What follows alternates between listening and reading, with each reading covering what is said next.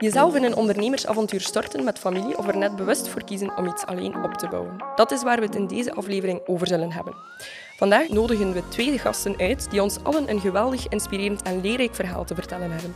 Zodra een familiale ondernemer beslist dat zijn tijd in het familiebedrijf erop zit, dienen zich vier grote mogelijkheden aan. Er is opvolging in de familie, het bedrijf blijft in familiehanden, maar er komt een externe CEO. Het bedrijf wordt verkocht of gewoon stoppen.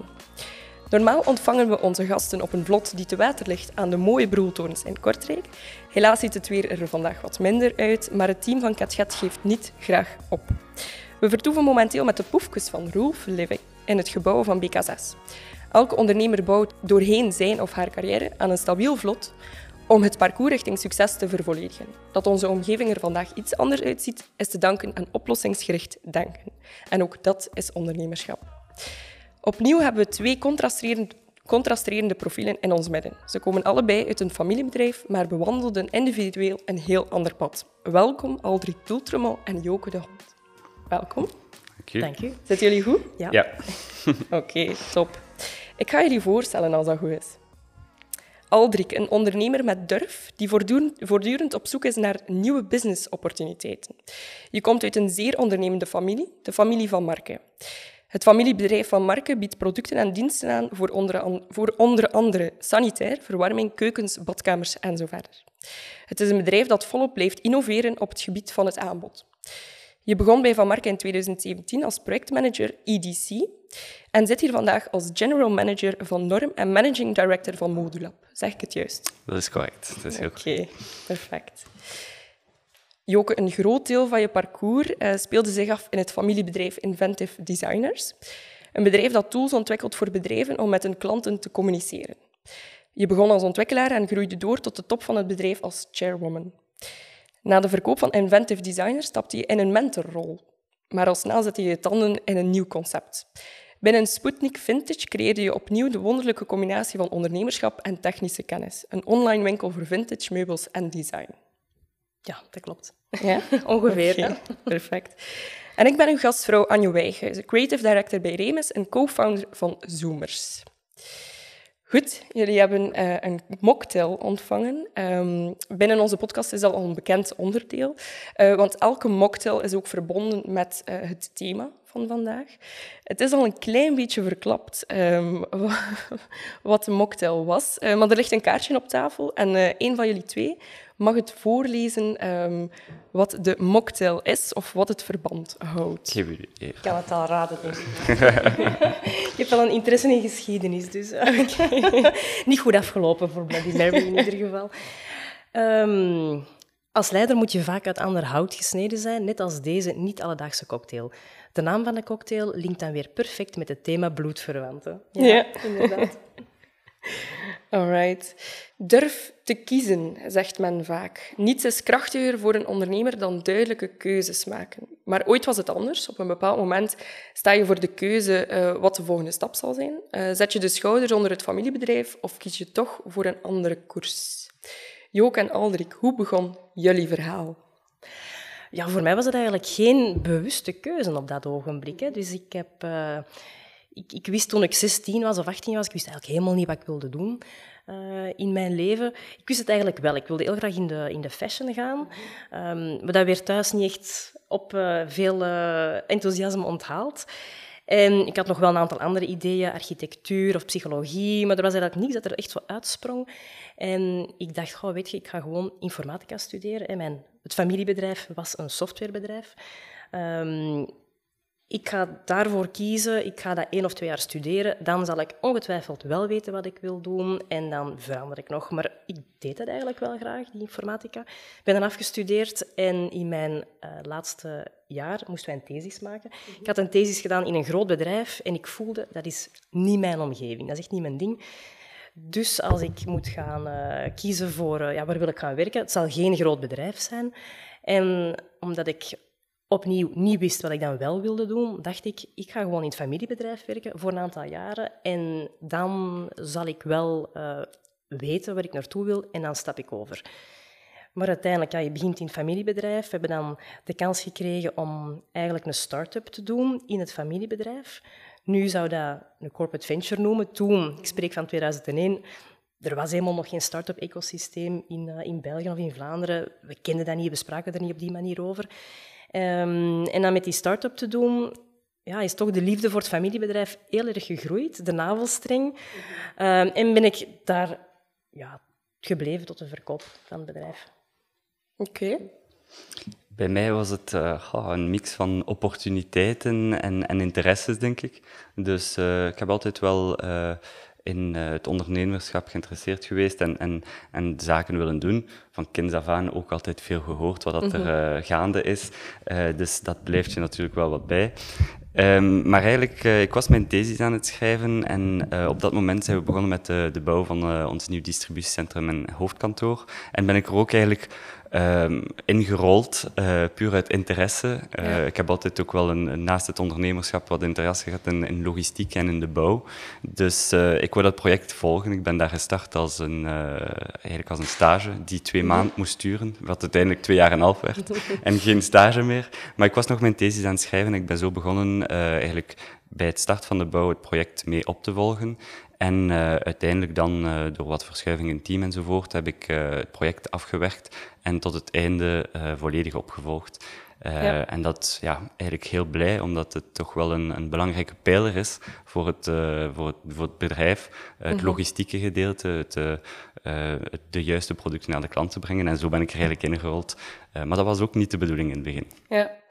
EDC. Ja, het, het, resultaat mag er zijn uh, natuurlijk. Ik heb de afkorting hier uh, opgeschreven. Excellent Distribution to Customers. Inderdaad.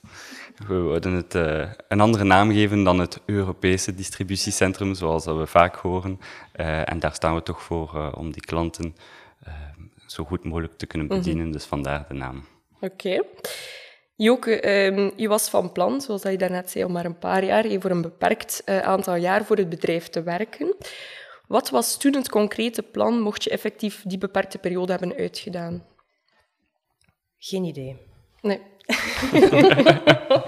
um, nou, in, goh, na een aantal jaar in het bedrijf, dan was dat plan ook niet meer aan de orde. Dus ik ben er ook niet meer mee bezig geweest.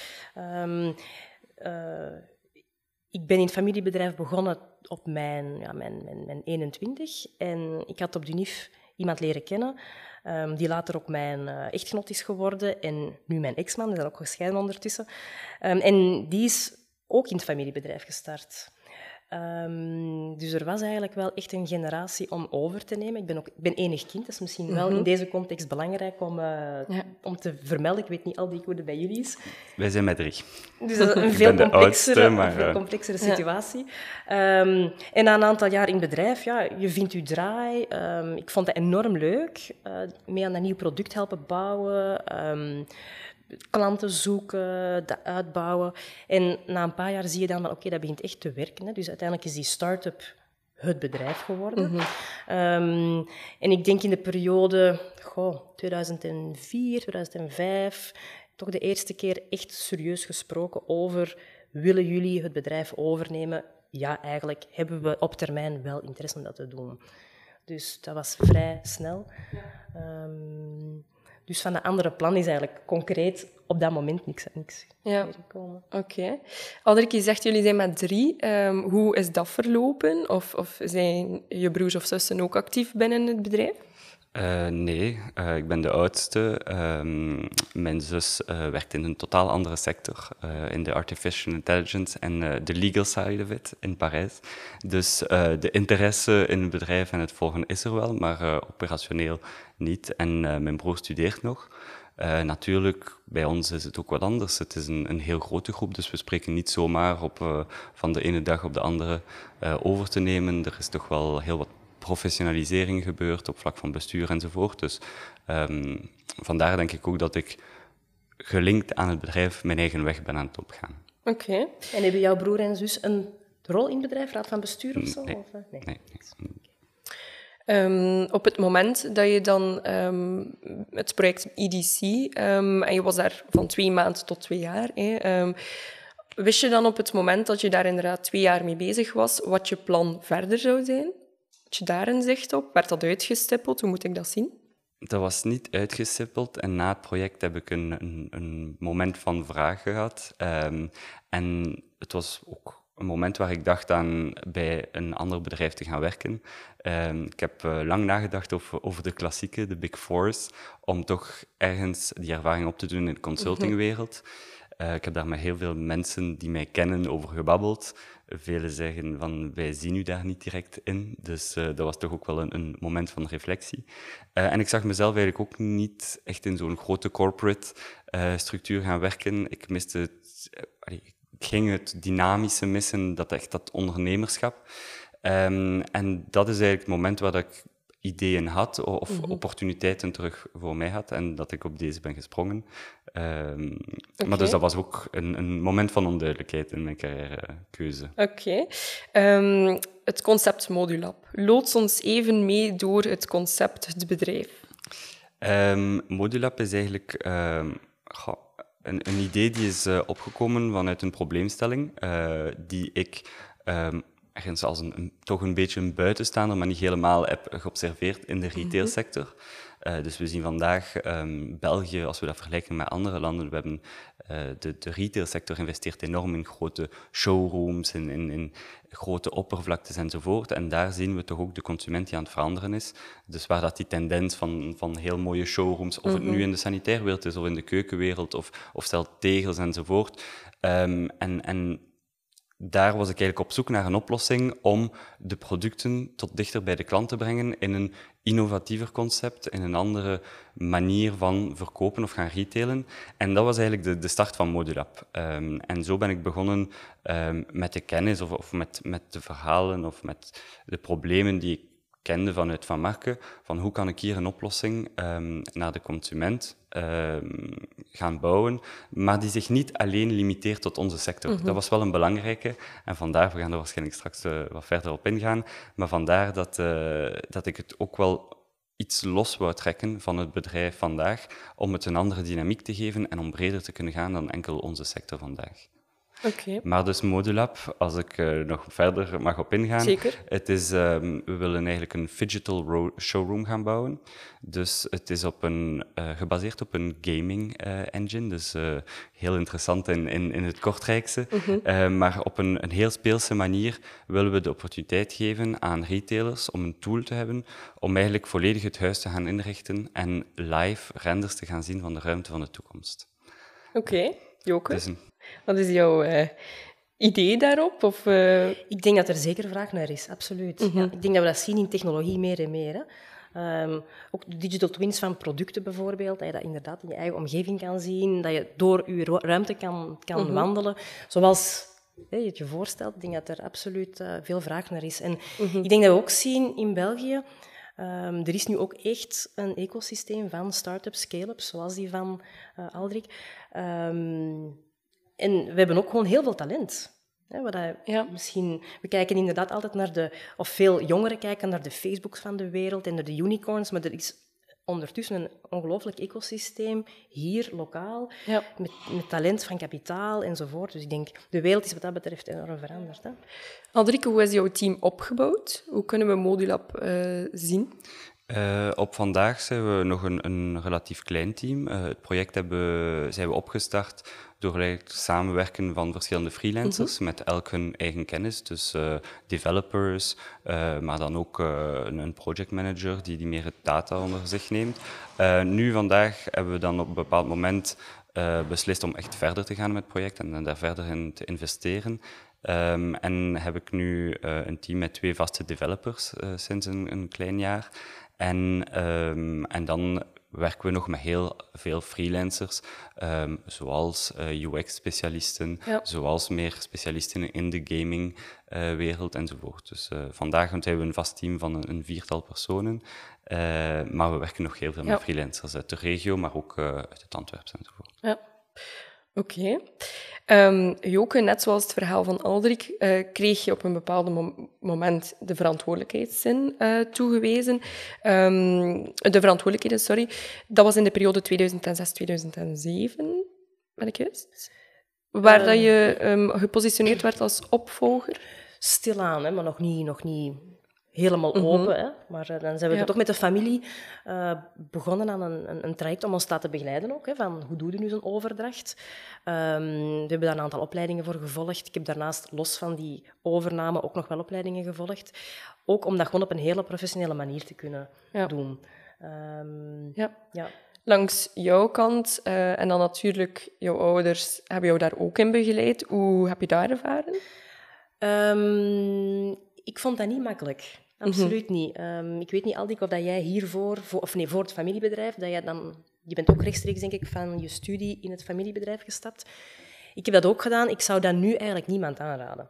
Um, ik denk dat dat voor mij een, uh, een, gemiste kans is geweest om eerst ervaring op te doen in een ander bedrijf, in een andere omgeving, een neutrale omgeving, ja. uh, waar je zelf ook een beetje kan zoeken van wat doe ik graag, waar, waar ligt mijn hart, waar ligt mijn, mijn, mijn expertise of mijn talent. Um, dus ik vond dat niet zo eenvoudig, want je hebt, als je professionele ervaring opdoet, dan krijg je ook rolmodellen. Je hebt kans om met, met veel mensen te, samen te werken, coaching, mentoring. En dat was een stuk dat ik eigenlijk... Pardon. Ik ben verkouden, dus excuseer. Geen probleem. um, dat is een deel dat ik eigenlijk wel heb gemist in de familie. Mhm. Ehm, ik denk, mijn vader uh, heeft het enorm goed gedaan, uiteraard. Hè. En ik heb er veel respect voor. Ik heb er ook heel veel van geleerd. Maar hij is nog wel van een andere generatie als het gaat over leiding geven, teamleiden. Um, dus de manier waarop hij het zou doen of deed, dat is niet de manier waarop ik het zou doen. Dat is logisch, dat is altijd. Hè. Dat, is, dat is mhm. met alles zo. Um, en dat vond, ik, dat vond ik wel moeilijk, om daar een beetje mijn eigen stijl in te vinden en niet per se te kopiëren wat ik van thuis uit had meegekregen. Om er mhm. zelf te zien, ja. wat ligt mij dan beter. Ja. Dus, uh, ja. Je hebt meteen mijn volgende vraag uh, beantwoord, omdat ik ging vragen wat, hoe zou je het anders hebben gedaan, zou je ouders het anders aangepakt hebben. Um, hoe zou jij het uh, gedaan hebben, mocht je het opnieuw doen? Of hoe heb je het ervaren? Misschien laten we met die um, vraag beginnen. Oh, ik, ik, ik, volg Joke daar wel in. Um, ik weet niet of uh, ik dezelfde keuze zou maken. Mm -hmm. uh, met dat project te hebben gestart voor het distributiecentrum, dat zou ik sowieso opnieuw doen, want dat was toch wel een, een heel goede leerschool en, en, toch een belangrijke ontwikkeling in mijn carrière. Um, of ik dan direct uh, met mijn project van Modulabs zou gestart zijn, of eerst ervaring ergens anders hebben gedaan. Dat is een vraag die ik me nog altijd stel, maar uiteindelijk nu ben ik wel heel blij met de start mhm. van het project enzovoort. Um, dus het voelt wel goed aan, maar inderdaad, het is wel nu besef ik ook wel, het is goed om, om zich te laten omringen door externe personen die kunnen coachen of die je kunnen challengen op een andere manier dan de mensen binnen het bedrijf of binnen de organisatie en de omgeving die je kent.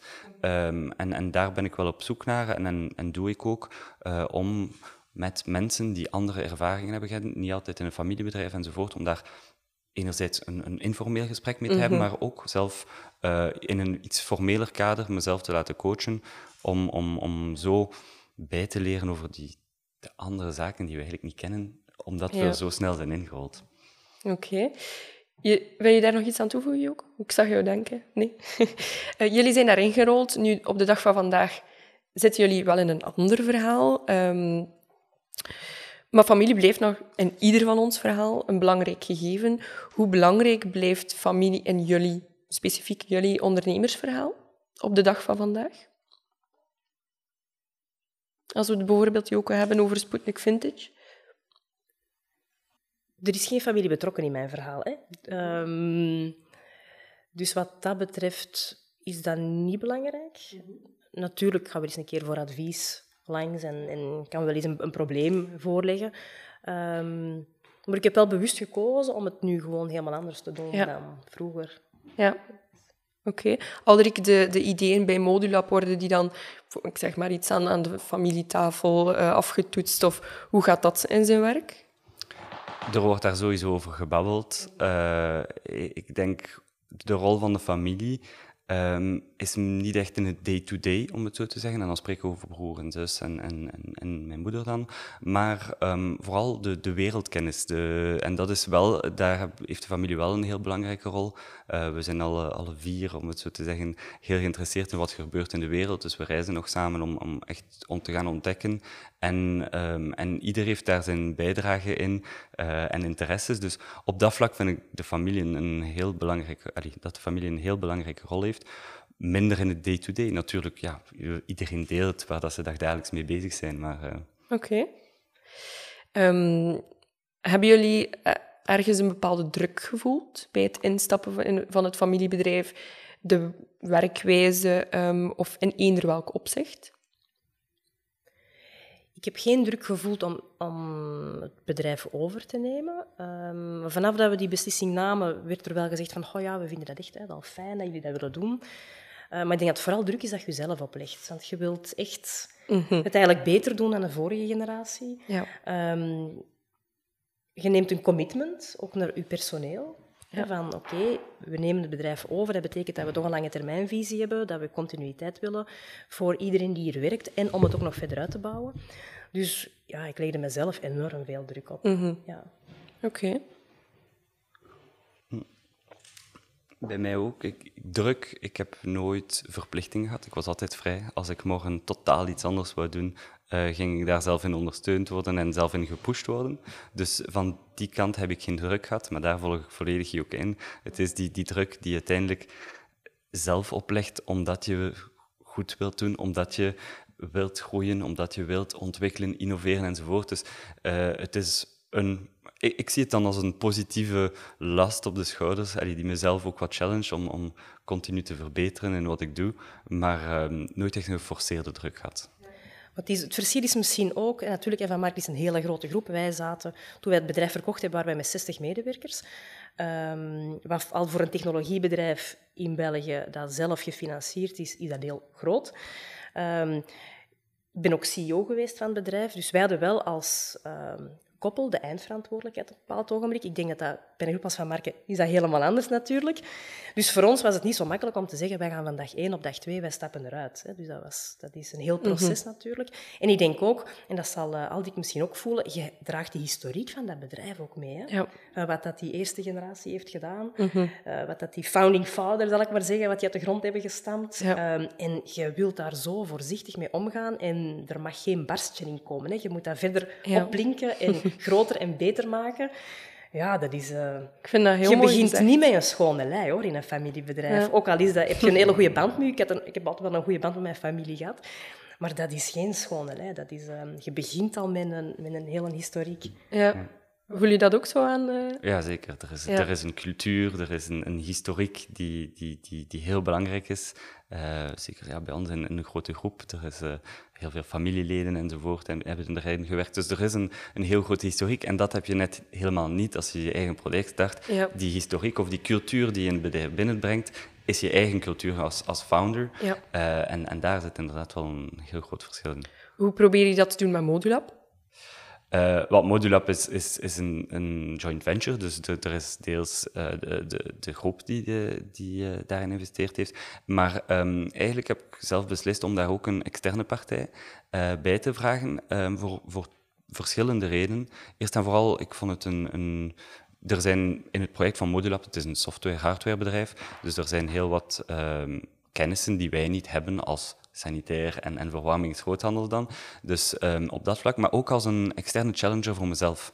Uh, het is goed als er andere investeerders zijn die soms eens uh, de druk kunnen verhogen of bepaalde vragen kunnen stellen die we ons niet, op, allee, uh, als het enkel een familieproject was, zouden stellen. Ik denk dat het heel verstandig is dat je dat op die manier doet. Dat is ook professionaliseren van het bedrijf verder. Ja. ja. ja. Um, Joke, um, Sputnik Vintage. Leg het concept uit. Het concept dus, um, een beetje de historiek. Hè. We hebben het bedrijf verkocht in 2018 en dan had ik toch een beetje tijd nodig om even te bekomen van een hele woelige periode, privé en professioneel. En um, dan in 2019 ben ik dan begonnen met uh, het coachen van andere tech-scale-ups en start-ups. Heel veel van bijgeleerd, maar wel met het idee van, goh, ik ga dat maar een deel van mijn tijd aan spenderen, want ik wil heel graag nog eens iets anders doen. En dan in de corona op het idee gekomen van... We hadden eigenlijk al wel een, een, een voorliefde voor, voor vintage.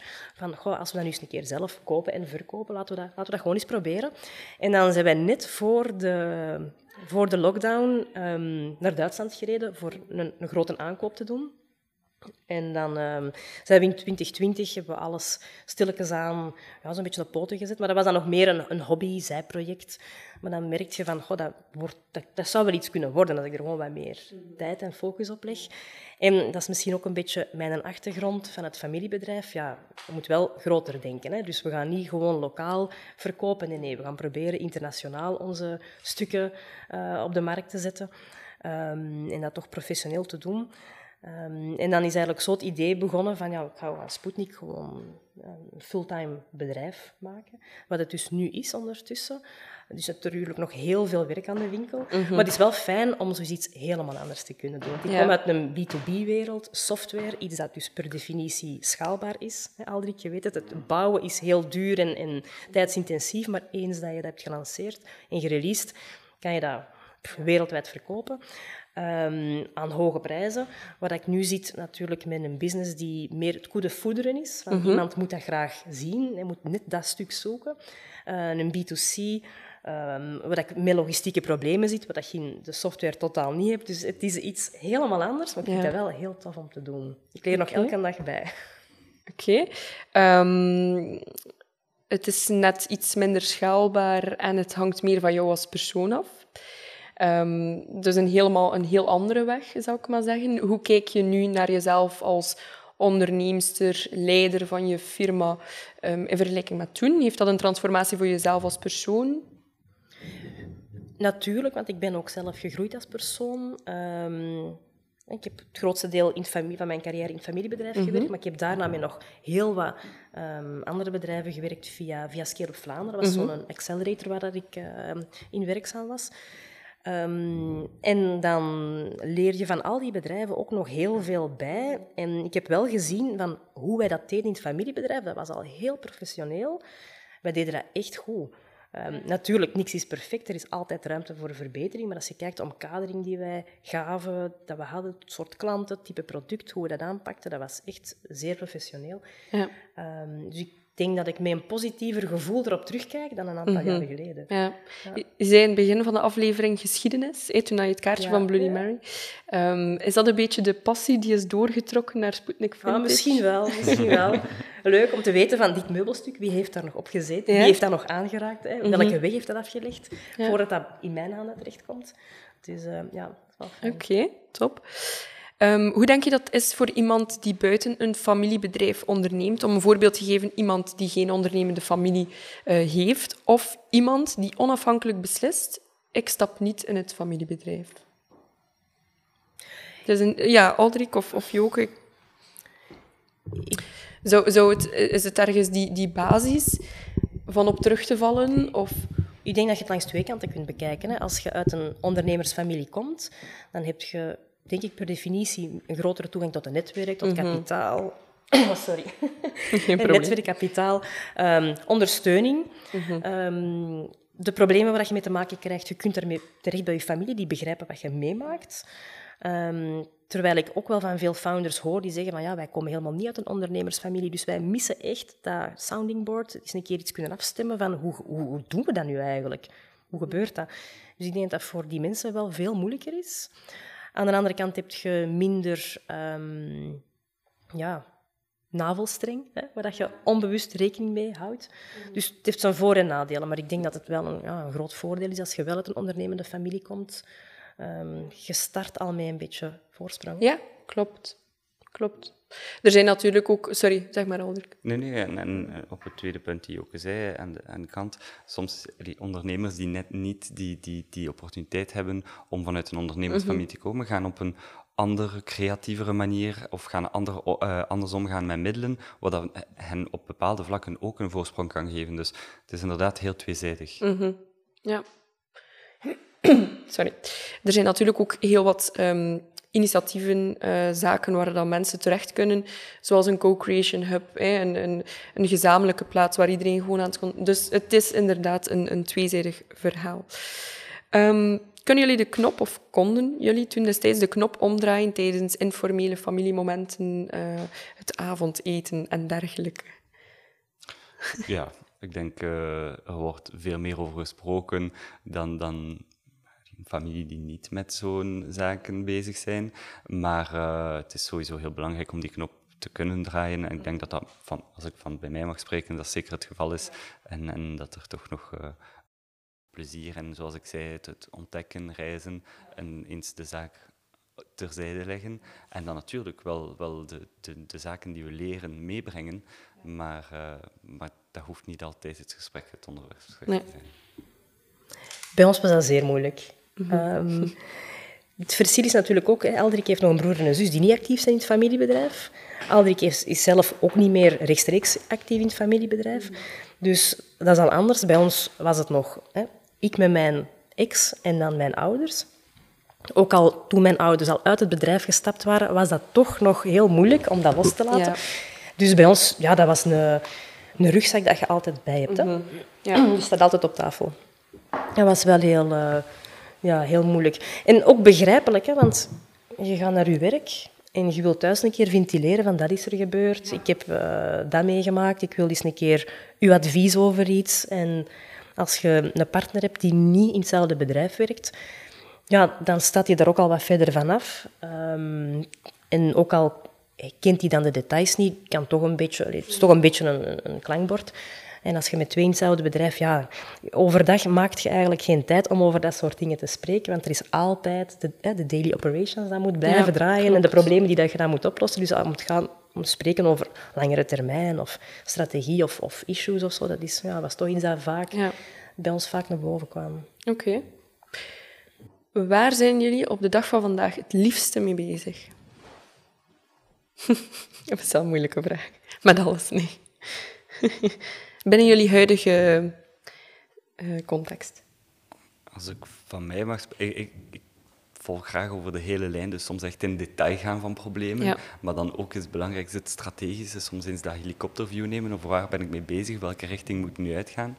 En dat is een, een moeilijke, maar ik doe het wel allemaal graag. Ik ben graag op de hoogte inderdaad van die details, die mhm. uiteindelijk wel belangrijk zijn uh, in het project.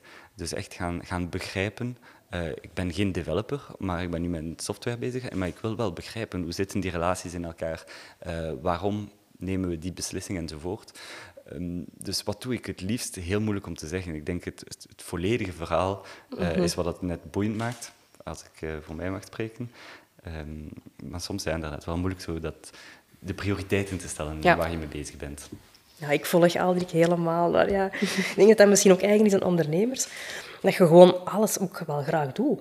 Mm Dat gaat dan soms dat, ja, een contract lezen. Ik vind dat eigenlijk ook nog wel tof om iets te doen. Hoe boring dat dat ook mag klinken. Maar dan ook inderdaad met strategie bezig zijn en, en contacten leggen. Um, ja, voor mij gaat dat dan over ja, items zoeken, restauratie een stuk. Dat gaat over, ja, gaat over heel veel dingen, maar ik denk de afwisseling is leuk. En dat is wat je ook gewend bent als ondernemer. Je moet... Ja, geen enkele dag ziet er hetzelfde uit. En je weet nooit s morgens wat er gaat gebeuren. En je dag kan er helemaal anders uitzien dan dat je had verwacht. En je moet altijd de problemen oplossen die zich stellen. Ja, dat is iets dat uniek is, denk ik, aan ondernemen. Niet, niet gelinkt aan een familiebedrijf, maar gewoon ondernemen het algemeen. Oké. Ja, want ik heb, ik heb dat ook bij Modulab zelf, maar op hetzelfde moment ben ik al bezig met andere projecten die ik zeg van eigenlijk is dat ook het moment om dit nu te gaan lanceren. En zo ben ik eigenlijk naast Modulab ook nog bezig met twee, drie andere projecten die mhm. ik graag opstart. En dan weet ik van oké, op een bepaald moment ga ik daar iemand moeten vinden die de dagdagelijks gaat doen. Je kunt niet meer alles doen. Uh, maar dat is ja, dat ondernemerschap, het, de verschillende ideeën, omdat je dan voor het project bijvoorbeeld van Modulab zit je met een bepaald probleem en zeg je van, ah kijk, eigenlijk is er een andere opportuniteit om dit te starten, die kan bijdragen aan, aan het project. Dus uh, het is inderdaad, zoals je ook, ook zegt, het allesverhaal die het wel uh, heel boeiend maakt. Is Norm, of spreek ik het juist uit? Ja. Is Norm daarvan dan ook zo'n soort zeeproject? Of hoe moet ik dat precies zien? Kan je eens uitleggen wat uh, Norm doet? Norm is een fabriek, dus um, een houtfabriek. We produceerden een, een paar jaar geleden um, vooral laboratoriummeubilair, dus voor uh, scholen, apotheken, zorginstellingen. En um, was een bedrijf die het financieel moeilijk had. Het was een product, een heel niche product. En uh, dat heb ik dan ook als uitdaging genomen om het bedrijf um, te heroriënteren. En, uh, en daar hebben we ons bepaalde activiteiten stopgezet, uh, nieuwe activiteiten gestart. Ehm, dat is ook een beetje mijn, mijn passie voor die industrie, de bouw, uh, die er nog altijd in zit. En, en nu met Norm probeer ik uh, nieuwe klanten aan te reiken, maar ook meer te gaan naar die industrie 4.0. Um, dus meer digitaliseren, um, meer consumentengericht en niet enkel B2B. Dus uh, dat is een andere uitdaging naast Oké. Okay. Wat wil je met het bedrijf doen uh, op het moment dat je weet het is voor mij tijd om te stoppen? Wil je het overdragen aan familie? Wil je het opdoeken of wil je het net verkopen? Als we nu spreken in het verhaal van Sputnik of uh, Modulab. Als jullie daar niet over willen praten, is dat perfect oké. Okay. Uh, ik stel de vraag graag. Voor mij overdragen aan familie, dat is geen optie waar ik rekening mee hou. Als mijn kinderen dat ooit zouden willen, mm, dat mag, maar ik, in mijn hoofd speelt dat niet mee. Mm -hmm. Oké. Okay. Eerlijk gezegd, ik heb er nog niet over nagedacht. ik ben nog maar net begonnen, dus uh, ik, ben nog, ik heb er nog niet over nagedacht. Okay. Uh, alle opties zijn mogelijk. Uh, ik kan niemand ooit iets verplichten. Ik denk dat het, de persoon die het ooit zou willen overnemen, familie of geen familie, de drive moet er zijn en de passie moet er zijn, dat is het belangrijkste. Maar het is een technologiebedrijf, dus dat is een, dat is een overname-target. Hè? Dus, ja. Oké. Okay. Welke stiekeme droom hebben jullie nog?